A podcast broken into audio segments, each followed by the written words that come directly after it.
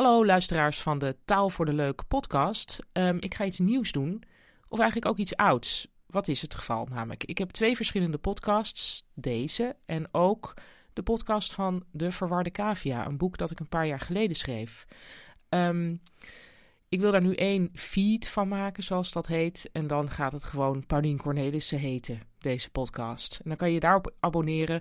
En wat ik nu ga doen, de volgende afleveringen worden weer die verwarde cavia. Voor sommigen van jullie is dat dus, uh, ja, een gesneden koek. Of hoe noem je dat? Oude koek. Dat heb je al lang gehoord. Dan denk je, oh, dat weer.